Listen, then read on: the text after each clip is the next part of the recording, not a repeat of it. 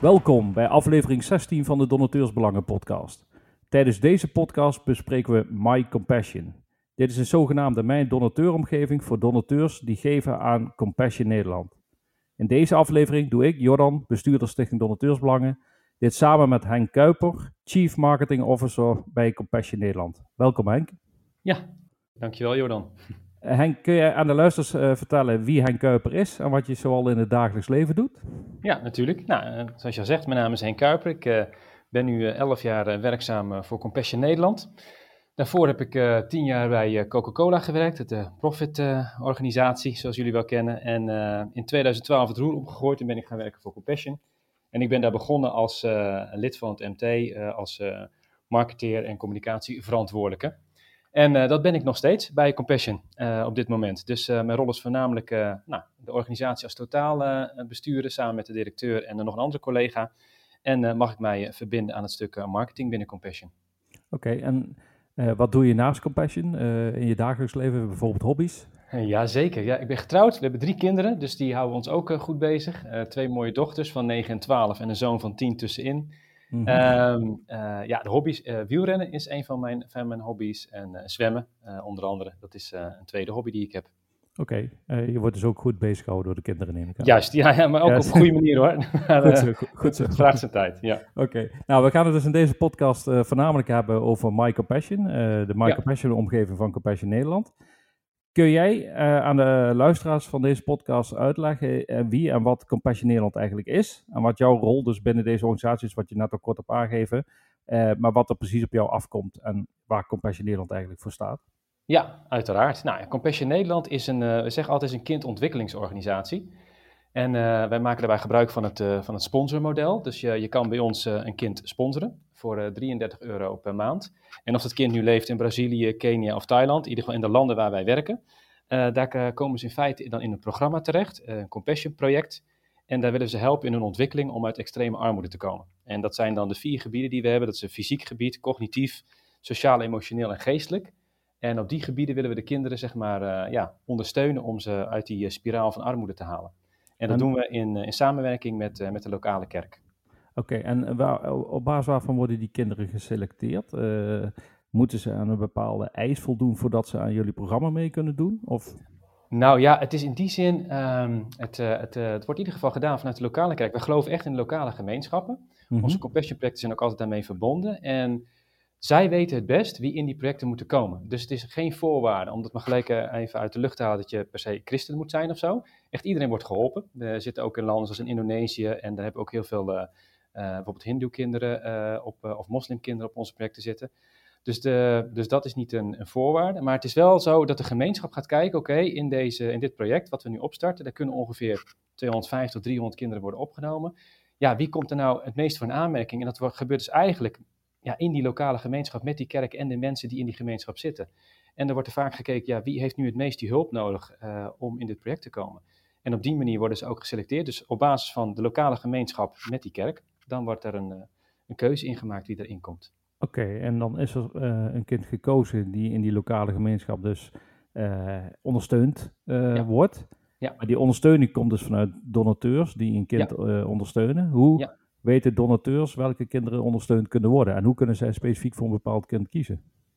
Nou ja, ze kunnen sowieso, als zij uh, met Compassion uh, ja, willen gaan samenwerken, zeg maar, kunnen zij naar de website gaan of ze kunnen in ieder geval een kind uitkiezen. Um, dat kan op basis zijn dat je zegt, nou, we willen graag een kind sponsoren, maar we laten de keuze aan Compassion. En de andere is dat je zelf ook kan kiezen of je in welk, ja, welk land je zou willen sponsoren. Dat kan dus uh, nou, uh, in een van de 25 landen zijn waar we werken. Uh, en dan kan je zeggen of je jongen of een meisje wilt sponsoren, welke leeftijd. Dus er zijn verschillende mogelijkheden die bij de sponsor kunnen aansluiten. Dat je zegt, hé, hey, maar dat, dat vind ik leuk om te doen. We merken heel veel dat jonge gezinnen het, het gaan doen. En die vaak zeggen van, hey, we hebben zelf bijvoorbeeld drie kinderen. Nou, nou, laat ik mezelf even als voorbeeld nemen. En dat je dan een kind gaat sponsoren, ook in de leeftijd um, nou, uh, van een kind dat daar woont. Dat ze een beetje samen opgroeien en dat je je kinderen ook kan meegeven van, nou, hoe andere kinderen opgroeien en hoe ze leven. Dus dat zien we ook dat er, uh, dat er vaak gebeurt. Maar je hebt daar in feite zelf de mogelijkheid toe om daar een, een beslissing in te maken. Ja, en uh, jullie werken vanuit Nederland natuurlijk, maar voor zover bekend is Compassion Nederland dus een wereldwijde organisatie die in meerdere landen zit. Klopt, ja. Wij zijn een wereldwijde organisatie. We werken in, uh, in 25 landen, met name in Azië, Afrika en Zuid-Amerika. En ons hoofdkantoor zit in, in Amerika, in Colorado Springs. En van daaruit worden ook alle programma's ondersteund. en totaal sponsoren we, even uit mijn zo'n 2,2 miljoen kinderen wereldwijd. En werken we samen met zo'n 8000 lokale kerken. Ja, dat is, dat is nogal een behoorlijk aantal inderdaad. Ja, ja, ja. Um, nou, we gaan het dus specifiek hebben over My Compassion. Um, ja, kun je eigenlijk uitleggen eh, wat My Compassion is, waar het voor staat en wat een donateur allemaal kan met My Compassion? Ja, het is nou, zoals het al zegt, My Compassion is een soort van, van mijn omgeving, een My Account, zeg maar, waar mensen terecht kunnen. En uh, het belangrijkste is eigenlijk het, uh, het ontstaan dat mensen ook heel erg behoefte hadden aan van, nou ja, het briefschrijven wat je ook doet met de kinderen, die, één-op-één relatie die je gaat ontwikkelen, dat je ergens een plek hebt waar je dat, uh, nou, bij wijze van kan opslaan of kan teruglezen of waar je, je brieven kan schrijven. En uh, dat is een van de, van de grootste dingen die je, die je kan doen in, in My Compassion. Maar een ander ding is ook dat je je eigen gegevens kan beheren. Je kan uh, je belastingformulieren, zeg maar, soort van downloaden wat je allemaal gegeven hebt dat jaar aan Compassion. En, ja, en het belangrijkste ook gewoon je NAW-gegevens kan je daarin in updaten. Ja, maar begrijp ik dus goed dat het vooral de vraag vanuit de, de giftgevers die een kind sponsoren is gekomen. Uh, hoe kan ik uh, uh, de communicatie beter zien die ik in het verleden met het kind gehad heb en in de toekomst heb? Dus is My Compassion uiteindelijk voortgekomen uit de vraag vanuit de donateur? Nou ja, het heeft, het heeft bijna drie pijlers. Het is absoluut behoefte georiënteerd geweest. Het is ook een stukje efficiëntie geweest. Want ja, op deze manier kun je ook heel efficiënt en kostefficiënt ook met je uh, sponsors zeg maar, communiceren. En het, en het past ook helemaal bij de strategie, uh, bij wie we willen zijn en hoe we naar buiten willen treden. Want ja, wij zien eigenlijk onze sponsors echt als onze naasten, als onze neighbors, zo noemen we ze ook. En um, nou, we willen in die zin ook echt ze oprecht kennen, uh, ja, in een goede mate ook van ze houden.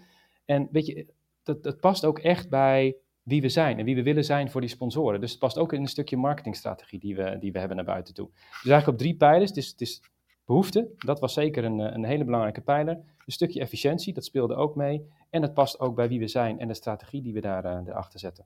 Ja, wij, wij als donateursbelang hebben geconstateerd dat Compassion Nederland een van de ja, eerste goede doelen eigenlijk is en een van de weinigen die donateurs überhaupt laat inloggen op uh, de website en laat communiceren met degene die ze ondersteunen.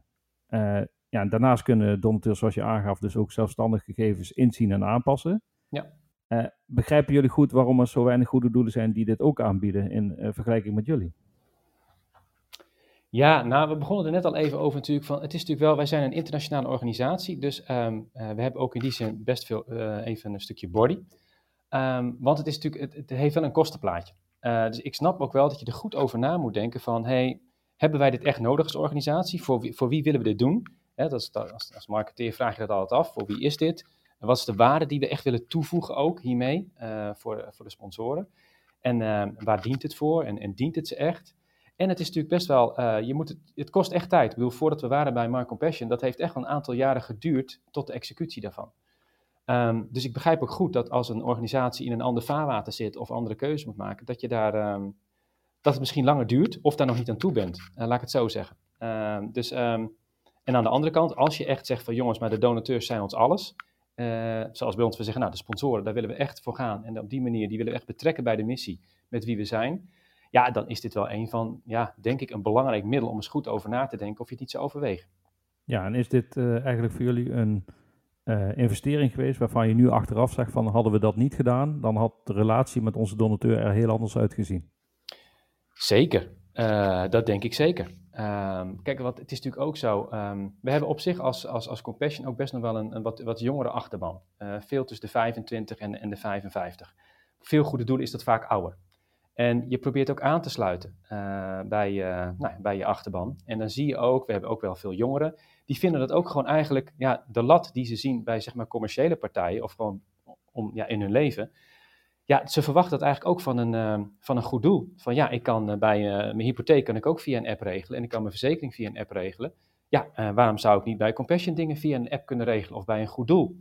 Um, en daar zit ook wel een beetje dan de, de paradox in, dat soms ja, mensen erg verwachten van ja, we moeten zo ja, kostenefficiënt met ons geld omgaan. En tegelijkertijd zijn er ook heel veel wensen die ze graag willen zien. Nou, maar deze was er wel één dat we echt dachten van, nou, dit dient beide doelen. Ehm, dus voor ons is het echt het overwegen waard om het te doen. Ja, en wordt er ook veel gebruik van gemaakt? Ja, uh, de adoptiegraad is nu geloof ik meer dan 85% van, uh, van onze sponsors die er gebruik van maakt. dus het is, dat is super hoog. Ehm, ja, en het belangrijkste is natuurlijk wel, omdat wij met name naast ook de financiële giften, vinden we ook erg belangrijk dat je dus een brief kan schrijven. of dat je kan, kan bidden voor je sponsorkind. Dus al die dingen die komen samen in die, in die mijnomgeving, in die My Compassion. En dat heeft echt ook nou, de loyaliteit verstevigd en het vertrouwen ook richting Compassion als organisatie. Ja, en houden jullie ook bij uh, per land hoe die adoptie is? Of dat percentage wat je net noemt, ehm, is natuurlijk wereldwijd, denk ik, over het hele programma. Maar wordt dat ook per land bijgehouden? En kun je zien dat die adoptie in Nederland net zo hoog ligt als in andere landen?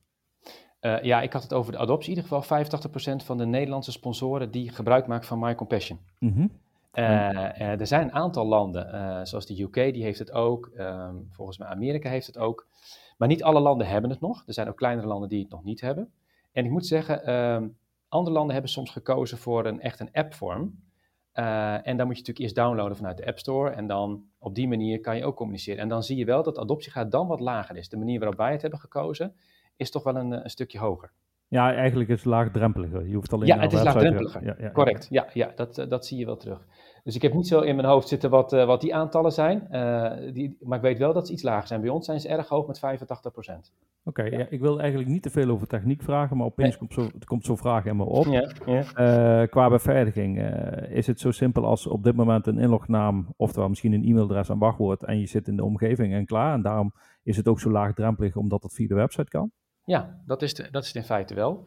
Uh, en aan de andere kant, uh, we hebben goed gekeken naar de privacygevoeligheid en de beveiliging daarop. Maar het is wel heel simpel, ja. Je kan het op die manier heel simpel aanmaken. Oké, en uh, um, andere zaken rondom het sponsor, de sponsoring zeg maar, naar een kind toe. dat zijn natuurlijk de communicatie met en via het kind.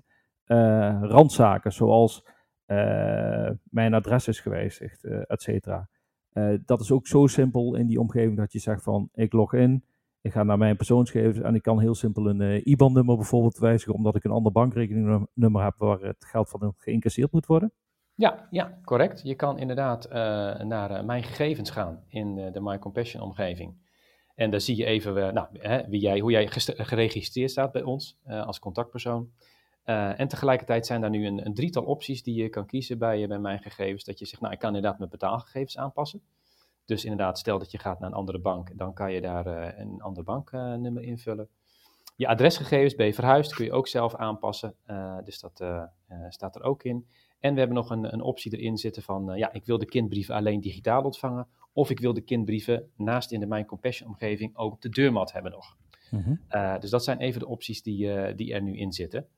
En uh, ja, voor de toekomst, we moeten wel zeggen, het staat nu uh, in een soort van, uh, nou, een mooie, mooie nou, startversie. En tegelijkertijd hebben we nog veel plannen om, ja, om dingen nog toe te kunnen gaan voegen in de toekomst. Ja, wat ik dus begrijp is dat qua communicatievoorkeuren op dit moment je de optie hebt, ik wil de brieven in mijn omgeving zien of per post. Ja, um, of beide. Ja, of beide. En uh, instellingen zoals bijvoorbeeld een nieuwsbrief versturen, wel of niet gebeld worden, et cetera. Zijn die, maken jullie daar überhaupt gebruik van? En zijn die instellingen ook te beheren of werkt dat uh, op een uh, indirecte andere manier? Nee, goede vraag. Nee, dat is, dat is wel de toekomst. Dat zouden we wel graag willen. Zit er nog niet in. maar dat zijn wel ontwikkelingen die wij heel graag ook in het, in het systeem zouden willen zetten. Oké, maar het, komt, het komt er eigenlijk dus op neer dat je dadelijk, eh, ik noem wat over het uh, jaar, twee jaar, het is altijd uh, zeker hoe snel zoiets in zo'n systeem doorgevoerd kan worden natuurlijk. Mhm. Maar dat je dadelijk als donateur bij My Passion, als je ingelogd bent in My Passion, zou kunnen zeggen, ik wil naar communicatievoorkeur, ik wil wel of niet een nieuwsbrief ontvangen, ik wil wel of niet gebeld worden, ik wil, ik wil wel of niet post ontvangen. En dat heb je al netjes, met, netjes uitgelegd, net van die post kan dan in twee vormen, digitaal ja. of op de deurmat of zelfs beide. dus dat is wel iets wat je ja, waarvan je zegt van uh, ja, dat is wel de toegevoegde waarde voor een donateur, wat eigenlijk minimaal in zo'n uh, mijn donateuromgeving uiteindelijk zal moeten zitten. Ja, absoluut, absoluut. Want dat is eigenlijk de vrijheid die je de mensen wil geven. Ook jij wil ze laten beslissen hoe je met elkaar mag communiceren. En dat is, dat is natuurlijk wel het uitgangspunt. Ik bedoel, ook we hebben met onze sponsoren toch best wel een lange relatie. Nou, vaak tussen de 7 en 10 jaar dat mensen een kind sponsoren. Uh, dus dan wil je ook op een goede manier weten van elkaar, ja, wat, wat vindt de ander prettig en, en, en, en wat mag, mag die wel ontvangen? Het kan zijn dat mensen zeggen, ja, ik, uh, ik heb een kind in Kenia, ik wil eigenlijk alleen maar informatie ontvangen over het land Kenia. ik vind het fantastisch wat Compassion doet, maar ik ben zo gefocust op Kenia. Ik zou daar wat liefst wat meer daarover horen, wat in zo'n land gebeurt van mijn sponsorkind. Ja, dat zijn allemaal dingen die je kan aangeven en die wij dan graag ook op maat willen maken. Ja, en ehm, doen jullie ook onderzoek uh, onder de, uh, diegenen die sponsoren, uh, wat zij wellicht in de toekomst nog toegevoegd willen hebben aan het. Zeker. Aan het, ja. kun je aangeven hoe je dat onderzoek doet onder de donoren? Ja, nou ja, zowel kwalitatief als kwantitatief. Dus inderdaad, je, je, we vragen het uit. sowieso wat ze ervan vinden, wat ze in de toekomst zouden, zouden willen zien. En tegelijkertijd richt je een soort van, nou, hè, we noemen het wel eens een klankbordgroep of in ieder geval een, een, een, club van mensen eventjes bij elkaar zet en dan vraagt van hey, wat ze ervan vinden en wat ze, wat ze zouden willen zien. Dus dan neem je ook echt wel, ja, uiteindelijk maak je het voor hen. Dus we kunnen zelf wel verzinnen wat we denken dat ze willen horen, maar het is natuurlijk fijn om te weten wat ze willen en dat erin zetten. Uh, en of het ook mogelijk kunnen maken. En dan ook nou, goede discussies erover hebben van hey, is dat dan de juiste manier, moet het zo? Dus je probeert dat wel in samen, in, in afstemming met, uh, met je donateurs, met je sponsoren in dit geval, uh, te doen. Ja, en laat je, zelfs, laat je het zelfs zo ver gaan dat zeg maar de gebruikersgroep daadwerkelijk ook gevolgd wordt achter een scherm hoe ze iets uh, doen in die My Compassion omgeving of gaat het niet zo ver? Nou, ik denk wel dat we dat doen. Dat doen we sowieso ook met de website bijvoorbeeld. Hè. Dan kun je ook al tracken hoe mensen je website bezoeken en waar ze op blijven staan en, en nou, wat eventueel niet of, of wel werkt. Um, ik weet niet of dat voor de mijn omgeving mogelijk is, maar als het mogelijk is, dan, dan zouden we dat wel zeker doen. Om even te kijken van, hé, hey, waar klikken de mensen nou het meest op en... en wat wordt het meest geopend of wat wordt het meest gewijzigd? Uh, waar maken de meeste mensen gebruik van? Uh, zeker. Ja, ik, ik, ik, ben zelf een product owner uh, geweest op een uh, Scrum team via ja. Agile ontwikkeling. met sprints werkende. werkt dat ook zo binnen de My Compassion omgeving? Weet je dat? Ja, dus zeker in sprints gewerkt. En uh, uh, elke keer, nou ja, had je eigenlijk een soort van sprint van jongens, dit willen we er nu in hebben voor wanneer. En dan werd er aan gewerkt. Dus eigenlijk in sprints is in feite het hele, mijn compassion omgeving is dat ontstaan. Ja, en langzaam, werd, en langzaam werd er dus functionaliteit toegevoegd op basis van die Juist, sprint. want dat was elke keer de moeilijkheid van ja, wat doen we nu eerst? Want er zijn, nou ik heb hier nog zes kantjes liggen met dingen die we zouden willen in de, in de toekomst. en wat we willen verbeteren, optimaliseren. Alleen ook hier is tijd, geld en capaciteit wel een ja, een, een, belangrijke afweging natuurlijk van jongens, moet het nu, uh, is dit nu het belangrijkste of is hier de, de, de, sponsor al het meest mee geholpen? Als we dit al hebben, hè, eerst maak je zo'n minimal viable product, een MVP, ja, dat zul je ja, wel kennen. Ja, en dan zeggen nou, dit moet er minimaal in. Als we dit niet hebben, ja, dan, dan hoef je het ook niet te maken, zeg maar. Dan, dan houdt het op. Dus dit is minimaal. En wat, nou ja, in de komende jaren, uh, wat wil je eraan toevoegen? En, en, en, en ja, wat wil je dat het voor de sponsor gaat doen? Ja, en, zijn dat allemaal uitgewerkte user stories in een soort van backlog? Ja, absoluut. Ja. Oké, dat is best interessant. Uh, ja. uh, misschien kunnen we het daar buiten de podcast nog over hebben. Want uh, wij als donateursbelangen zouden graag ook een handreiking doen naar andere goede doelen. Hier heb je user stories waar donateurs eigenlijk graag op zouden zitten te wachten als er in mijn donateuromgeving zit. Of komt bij een goed doel. Um, via welke oplossing uh, wordt een en ander weggeschreven? Welke uh, CRM-pakket uh, okay, gebruiken ja. jullie? Dat is Salesforce gebruiken wij. En mm -hmm. dat is ja, ook iets waar we in feite ook weer mee kunnen liften met elkaar als, als wereldwijde organisatie. Omdat het ook best wel een kostbare tool is. maar omdat we een non-profit zijn en we zijn met elkaar, met elkaar dan, dan valt het mee. Maar we werken met Salesforce en dat is een super fijn systeem. En dat is eraan gekoppeld, waardoor je ook de giften weer uh, goed kan terug laten stromen. Dat belastingoverzicht dan weer, uh, weer duidelijk wordt. Zodat mensen ook echt kunnen zien van ja, dit heb ik allemaal gegeven. En uh, één druk op de knop en je hebt het weer klaar. nou ja, rond deze tijd van het jaar heb je het nodig, dus dan, dan kan je erheen. Ja, en dat betekent dus eigenlijk dat je, een, net zoals de bank, een fiscaal jaaroverzicht aanbiedt ja. waarop de donaties staan. Ja, waar alles op staat. Wat je hebt gegeven, of het nou via Ideal is, of via de website, of je maandelijkse bijdrage die, die automatisch geïncasseerd wordt. Dat staat er allemaal op. Ja, dus een, uh, een giftgever die uh, gebruik wil maken van de giftaftrek bij zijn uh, IB-aangifte, ja. geeft gewoon op wat hij aan jullie heeft gedoneerd ja. in totaal en bewaart de uitdraai als bewijs. Absoluut, en dan heb je het. Ja, klinkt perfect. wat ik wel weet van Salesforce is dat volgens mij een softwareoplossing waarbij je vaak via partners een en ander laat uitwerken. Dus zitten jullie zelf in de Salesforce-omgeving een en ander uit te, te, of te ontwikkelen? Of wordt dat ook via een tussenpartner gedaan? Dus een leverancier die voor jullie de Salesforce-omgeving uh, uh, zeg maar beheert en ontwikkelt? Nou, het is, uh, voor zover ik weet, is dat beide. We kunnen er zelf dingetjes in doen, maar er zit ook wel een leverancier tussen die, die af en toe dingen aan moet passen om het werkbaar te maken. Ja, dat klopt. Ja. Dat is helder. Um, je had het over jongeren, dat jullie ook redelijk wat jongeren hebben die geven. Ja. zien jullie de behoefte bij jongeren dat die anders is dan oudere donateurs? Dat jongeren meer flexibel willen zijn in het geven? Of is dat in jullie geval niet uh, ja, eh, het geval? Ja, het is um, flexibel geven. Jongeren die zitten er wat anders in als het gaat om, ze, ze vinden het veel belangrijk ook welke, ja, de directe impact die het maakt. Dus, dus um, dat vinden ze een hele belangrijke. Maar ook wel de, de, de, communicatie met, zo'n, met, met, een, met een sponsorkind. En tegelijkertijd moeten we wel eerlijk zijn als we kijken naar um, de 25-min doelgroep dan zou je ook uh, misschien nog wel eens een product willen ontwikkelen wat, wat, wat dichter bij jongeren staat, wat, wat flexibeler kan zijn. Want het sponsoren van een kind is toch 33 euro per maand. Vaak doen ze het dan, uh, als het echt over jongeren hebben, samen of in een groepje, dat ze, dat ze sponsoren. Maar dan is wel de vraag om ja, de flexibiliteit, weet je, de, ja, de digitalisering, ja, dat, nou, wat ik net al zei, dat vinden ze wel super belangrijk. Dat ze gewoon naar een omgeving kunnen gaan om hun dingen te regelen. Dat is wel hoe ze zijn opgevoed, uh, zeg maar de afgelopen generatie. Dus dat, dat verwachten ze wel van je. Dus daar hechten ze wel veel waarde aan dat het ook op die manier kan.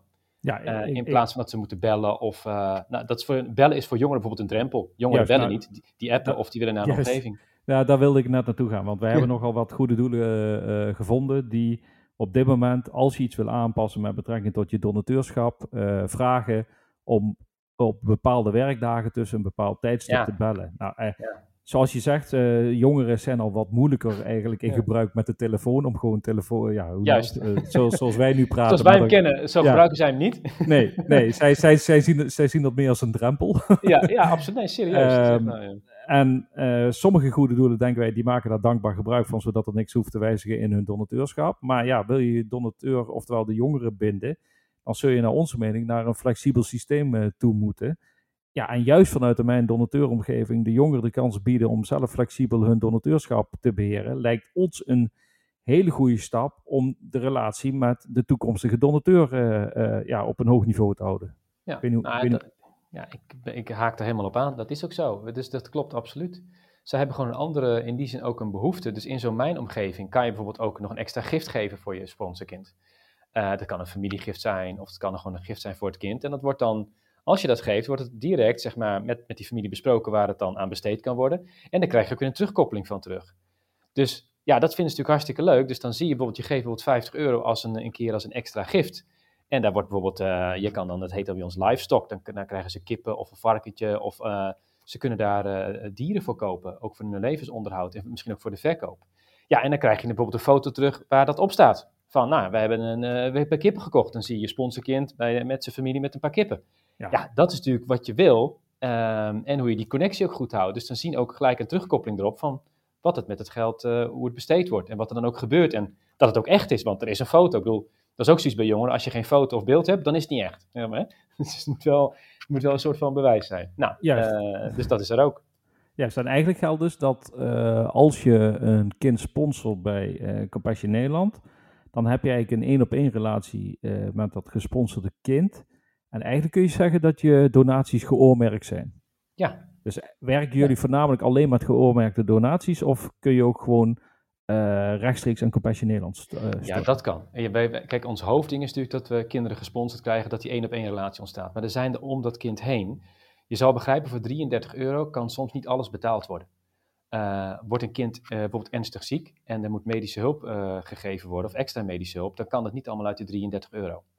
Dan zijn er andere fondsen omheen, bijvoorbeeld een medisch fonds, dat hebben we ook, daar kan je ook gewoon aan geven. Dan wordt uit dat fonds geput om dat in te zetten voor jouw sponsorkind.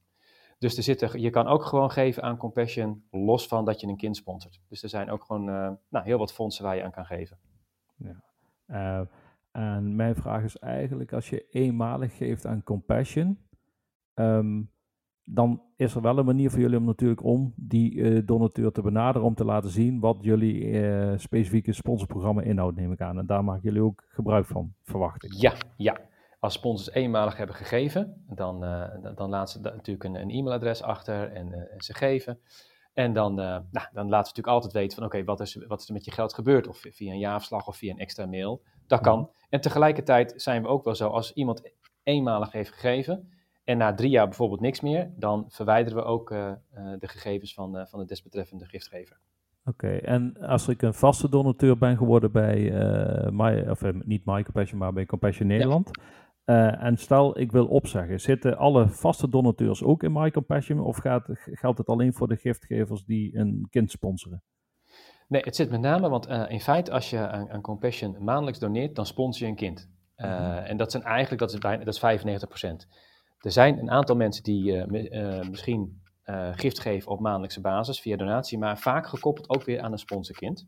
Ja, maar stel, eh, zijn, zijn er dus donateurs die minder geven dan die 33 euro, dus niet specifiek gekoppeld aan een kind, en die dus wel vaste donateurs zijn? Ja, kunnen, dat, dat, kan. Ja. ja, en kunnen die dus ook inloggen in die My Compassion omgeving en zaken regelen, alleen is er geen connectie dan met het kind uh, voorhanden? Klopt, en, en je schrijft dan niet, hè? dus dan, zie je, dan is het met name nu op dit moment eventjes heel uh, praktisch, is het je NAW-gegevens en dan uh, je, bank, je banknummer en je, en je belastingoverzicht, wat dan voor jou relevant is. Uh, het schrijven en het kunnen schrijven en, en bijvoorbeeld een formatje kiezen voor, een, uh, voor briefpapier en dan een brief schrijven, daar heb je dan op dat moment uh, niet zoveel aan. Maar het kan wel. En kun je ook vanuit die omgeving als donateur dus simpel een vast donateurschap opzeggen? Je kan bij ons natuurlijk altijd opzeggen. En hier komt ook weer een beetje de balans in van: oké, we zijn geroepen voor, voor, de, voor die kinderen in extreme armoede. En als iemand opzegt, dan, dan kan het altijd, maar we hebben ook wel graag even contact. Dus uh, los dat je gewoon even een mailtje stuurt, proberen wij altijd eventjes te bellen. En dan, nou, de, opzegging op zich blijft hetzelfde. En tegelijkertijd vinden het wel altijd even fijn om ook te horen van, oh, nou, er is een opzegging. Nou, is daar een, uh, zijn wij daar bijvoorbeeld debet aan? Of hadden we iets anders kunnen doen of beter kunnen doen? Of zegt de sponsor, nee, ik vind het gewoon mooi geweest en het is goed. Of soms om financiële reden, ik kan het gewoon niet meer betalen. Dat kan ook, hè. dat hebben we natuurlijk ook de afgelopen jaren best wel gehad. Mm -hmm. Dat de mensen belden om, om daar uh, om dat te zeggen van we, we, kunnen het gewoon even niet meer betalen. En het mooie is dan als je in contact komt, want dat vind ik dan wel ook wel weer mooi, van aan de ene kant kan je denken dat is een drempel. Ja en nee, want de opzegging gaat gewoon door en als je elkaar gesproken hebt en, en er is niks, dan ga je alsnog uit elkaar. Maar in het geval bijvoorbeeld van die, van die financiële noden van de mensen van de afgelopen jaar, die echt zeiden van ja, eigenlijk wil ik dit niet. Maar ik kom gewoon op dit moment, kom ik ook niet meer rond. En uh, met de hele coronacrisis, of uh, mensen hun baan op de tocht. Dat wij zeiden van nou, wat we dan doen, is we houden het kind aan u gekoppeld en wij betalen voor een half jaar uw sponsorgeld. Mm Dus u hoeft een half jaar niet te betalen en als u weer, dan, we nemen over een half jaar weer met u contact op, of u met ons uh, neemt weer eerder contact. Als u weer een baan hebt en het lukt wel, dan kunt u gewoon met dit kind blijven schrijven en blijven sponsoren. Dan hoeft het niet opgezegd te worden. Nou, dat was zo'n voorbeeld dat je dan, ondanks dat het, als je, had je dat niet gedaan, had je een opzegging gehad, waar eigenlijk ook de sponsor niet blij mee was, want die voelde zich genoodzaakt. En tegelijkertijd was je nu in contact en had je de mogelijkheid toch te zeggen: nee, maar het hoeft ook niet. We snappen uw situatie. En dat, dat, dat respecteren we ook en dat vinden we zelfs ook heel moeilijk. En tegelijkertijd, we bieden de oplossing van: nou, als u een half jaar hoeft u niet te betalen, dat, uh, dat nemen wij voor onze rekening. En als u weer in staat bent, laat u het ons dan weten of wij komen over uh, een x aantal maanden weer bij u op de lijn. Of u het alsnog zou willen doen. Ja, ja en daar hebben heel veel mensen dankbaar gebruik van gemaakt. Ja, en klinkt ook als een perfecte relatie tussen donateur en, uh, ja. uh, en het goede doel. Uh, zo, dat verwacht je eigenlijk. En dat, Toch? wij streven naar donateurgericht werken. En donateurgericht werken is natuurlijk vanuit een, mijn donateursomgeving al sowieso een stuk donateurgerichter, laat ik het zo zeggen. Um, want wij hebben geconstateerd bij onderzoek naar goede doelen, waaraan wij gevraagd hebben: waarom hebben jullie geen mijn, geen mijn donateuromgeving? Ja, dan kwam vaak het verhaal ook dat uh, het uh, te simpel zou zijn om via mijn donateuromgeving uh, omgeving een donateurschap op te zeggen. Ja. En ja, als je dat anders inregelt, zoals jullie dat bijvoorbeeld gedaan hebben, dan hoef je daar helemaal niet bang voor te zijn, naar onze mening als organisaties, non-profit organisaties. want je kunt de relatie met de donateur op een hoog pijl brengen. De donateursvertrouwen zal stijgen, naar onze mening. En opzeggen, ja, dat kan altijd. Alleen dat kun je altijd wel op een bepaalde manier uh, in het systeem verwerken. Waarbij je, precies wat jullie verwerkt hebben, toch in ieder geval even die dat contact zoekt met die donateur. Maar je biedt het in ieder geval aan. En, het, is niet, en het is niet zo simpel als uh, bijvoorbeeld een andere optie. Ik wil de nieuwsbrief niet ontvangen. Dat je even naar rechts swipe en dat het uh, vinkje nee. uitgaat bijvoorbeeld. Nee, want het doet ook wat met het kind. Die, die, die heeft ook een sponsor. ja, als er een keer een sponsor die swipet uit en we weten ook niet precies waarom ja, dat wil je toch ook wel uh, goed communiceren. Want ja, het, het, heeft twee kanten, het verhaal. En het is voor, voor de sponsor, die, die heeft een bepaalde, zoekt wat gemak. En um, Nou, die heeft ook een relatie opgebouwd. En nogmaals, het opzeggen is niet altijd omdat het dan niet meer leuk is of zo. Maar gewoon soms zijn het ook gewoon echt wel hele valide redenen. Dat je denkt, ja, ik snap het ook. En tegelijkertijd heb je het, sponsorkind, wat je, wat je echt wil dienen ook in, in, in die omstandigheden. Om te zeggen, nou, het is afgelopen, maar je krijgt een nieuwe sponsor. Um, dus het heeft, het heeft twee kanten. Juist, maar zelfs al heb je vaste donateurs die algemeen aan een goed doel geven. Dat nog zou je kunnen zeggen, wij als goed doel bieden de optie om op te zeggen. Maar we kunnen het ook flexibel aanbieden.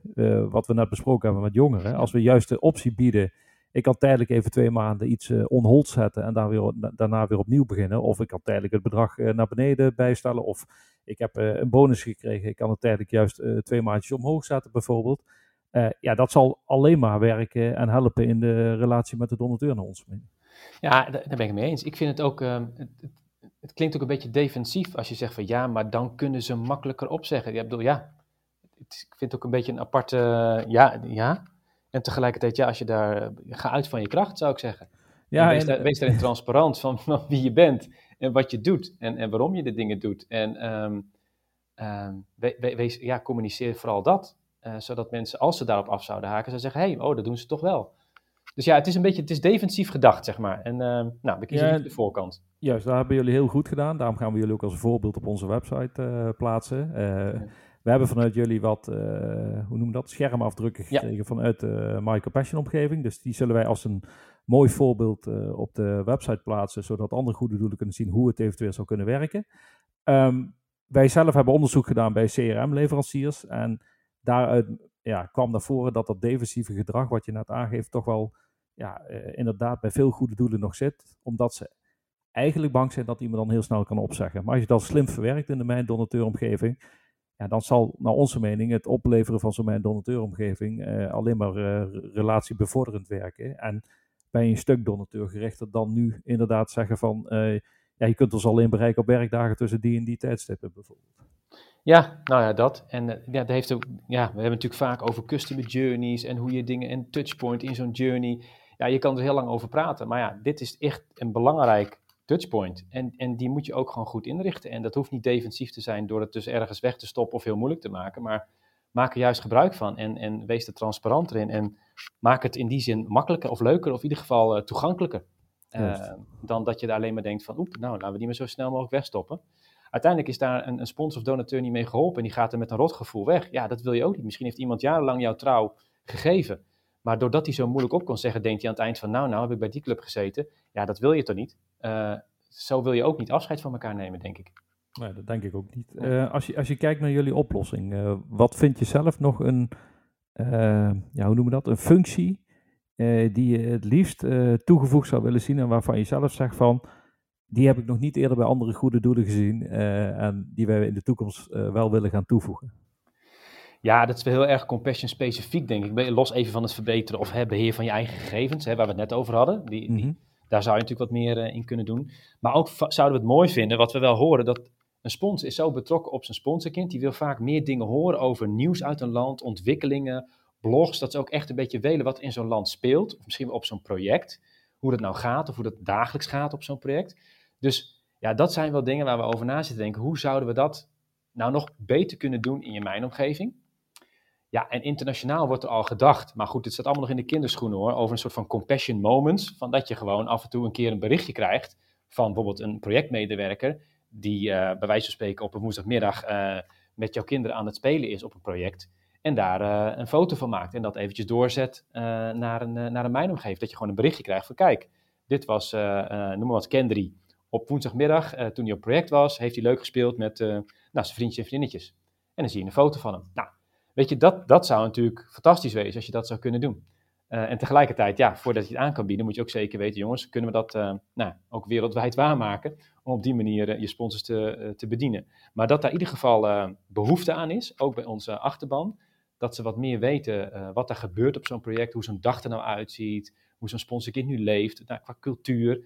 Ja, dat, dat zijn wel zaken die we graag zouden willen toevoegen. Ja, klinkt fantastisch laat je ook wel eens een donateur die gebruik maakt van Michael Passion uh, zien aan potentiële nieuwe giftgevers uh, wat het betekent om een kind te sponsoren en hoe die relatie dus via die Michael Passion omgeving ja, tot stand is gekomen en hoe die onderhouden wordt. Hebben jullie ook wel eens bijvoorbeeld donateurs aan het woord gelaten op bijvoorbeeld een YouTube-kanaal waarin je laat zien hoe is mijn relatie met zo'n sponsorkind? Dat hebben we nog niet gedaan. we maken wel veel gebruik van ambassadeurs. Dus mensen die voor ons zeg maar op pad gaan en die zeggen, mhm. joh, ik wil in mijn kerk spreken. Of, joh, ik heb een groot netwerk in, in bedrijven.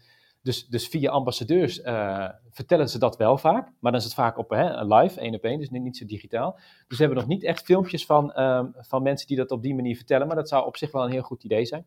Om dat eens te gaan onderzoeken en op die manier te laten zien. Maar overal waar we zijn, als we op een event bijvoorbeeld zijn, als we een, een, een concert of zo supporten en we mogen daar een oproep doen om, uh, om, om te vragen of mensen een kind willen gaan sponsoren, dan, dan laten we het al gelijk zien van nou, dit is de manier hoe jij kan communiceren en wat het gaat, voor je gaat betekenen. En hoe we het ja, ook voor jou gemakkelijk en goed willen regelen. Dus dan neem het altijd wel mee.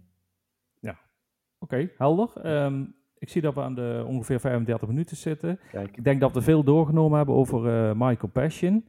Uh, Ik wil je eigenlijk hartelijk uh, danken voor een inkijkje in uh, een mijn donateuromgeving en wat daar allemaal mee mogelijk is en hoe dat de relatie met de donateur zeg maar versterkt. Ja. is er nog iets specifiek waar jij het nog over wilt hebben, Henk? of waarop je eventueel nog terug wil komen? Um, nee, nee, ik denk volgens mij hebben wij het mooi zo doorgenomen. Vond het leuk om te doen, dus dankjewel. Ja, jij ook bedankt. Ehm, ja, en Compassion Nederland uh, wil ik natuurlijk succes wensen uh, met datgene waar jullie voor staan uh, in de toekomst. Ja, nou eens gelijks. Dus wat jullie doen, ik zou zeggen dat endorsen we ook van harte. Dus ga er vooral mee door. Oké. Okay.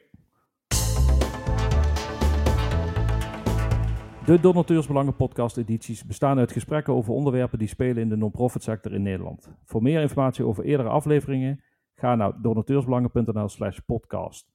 Wil jij of jouw organisatie een bijdrage leveren omdat jullie een interessant onderwerp hebben met betrekking tot de non-profit sector en donateursbelangen in het bijzonder?